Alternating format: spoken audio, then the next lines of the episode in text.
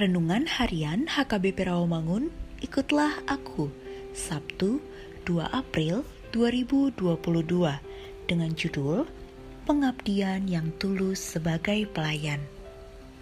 Bacaan kita pada pagi ini tertulis dalam 1 Petrus 3 ayat 18 sampai 22 dan bacaan kita pada malam ini tertulis dalam Markus 12 ayat 1 sampai 12 dan kebenaran firman yang menjadi ayat renungan kita hari ini ialah 1 Petrus 5 ayat 2 yang berbunyi, Gembalakanlah kawanan domba Allah yang ada padamu.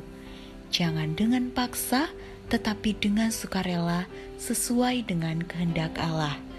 Dan jangan karena mau mencari keuntungan, tetapi dengan pengabdian diri. Demikian firman Tuhan. Sahabat ikutlah aku yang dikasihi Tuhan Yesus. Para penatua atau gembala bertanggung jawab untuk memelihara orang percaya, mengajarkan disiplin kepada mereka, memberikan makanan firman Allah, dan melindungi mereka.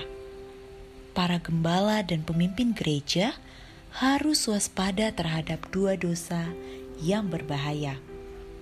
Yang pertama, keinginan akan uang Janganlah seorang hamba Tuhan memperkaya diri dari pekerjaan Tuhan.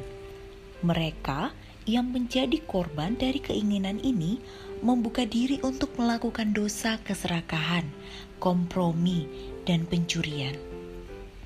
Demi memperoleh uang, mereka mengurangi tuntutan firman Allah, standar yang benar, dan prinsip kerajaan. Yang kedua, keinginan untuk berkuasa. Mereka yang haus kekuasaan akan menguasai orang yang mereka layani dengan menyalahgunakan wewenang mereka. Sebaliknya, seorang gembala harus memimpin jemaatnya dengan menjadi teladan dalam pengabdian kepada Kristus, pelayan yang rendah hati, ketabahan dalam kebenaran, ketekunan dalam doa, dan kasih akan firman Allah. Sifat agung seorang gembala adalah kerelaannya untuk menjaga dan berkorban untuk domba-dombanya. Setiap orang yang menduduki suatu jabatan dengan maksud menonjolkan diri, berarti dia memutarbalikkan pandangan yang sudah ada. Yesus berkata untuk orang-orang yang ambisius, "Barang siapa yang ingin menjadi besar di antara kamu, hendaklah dia menjadi pelayanmu.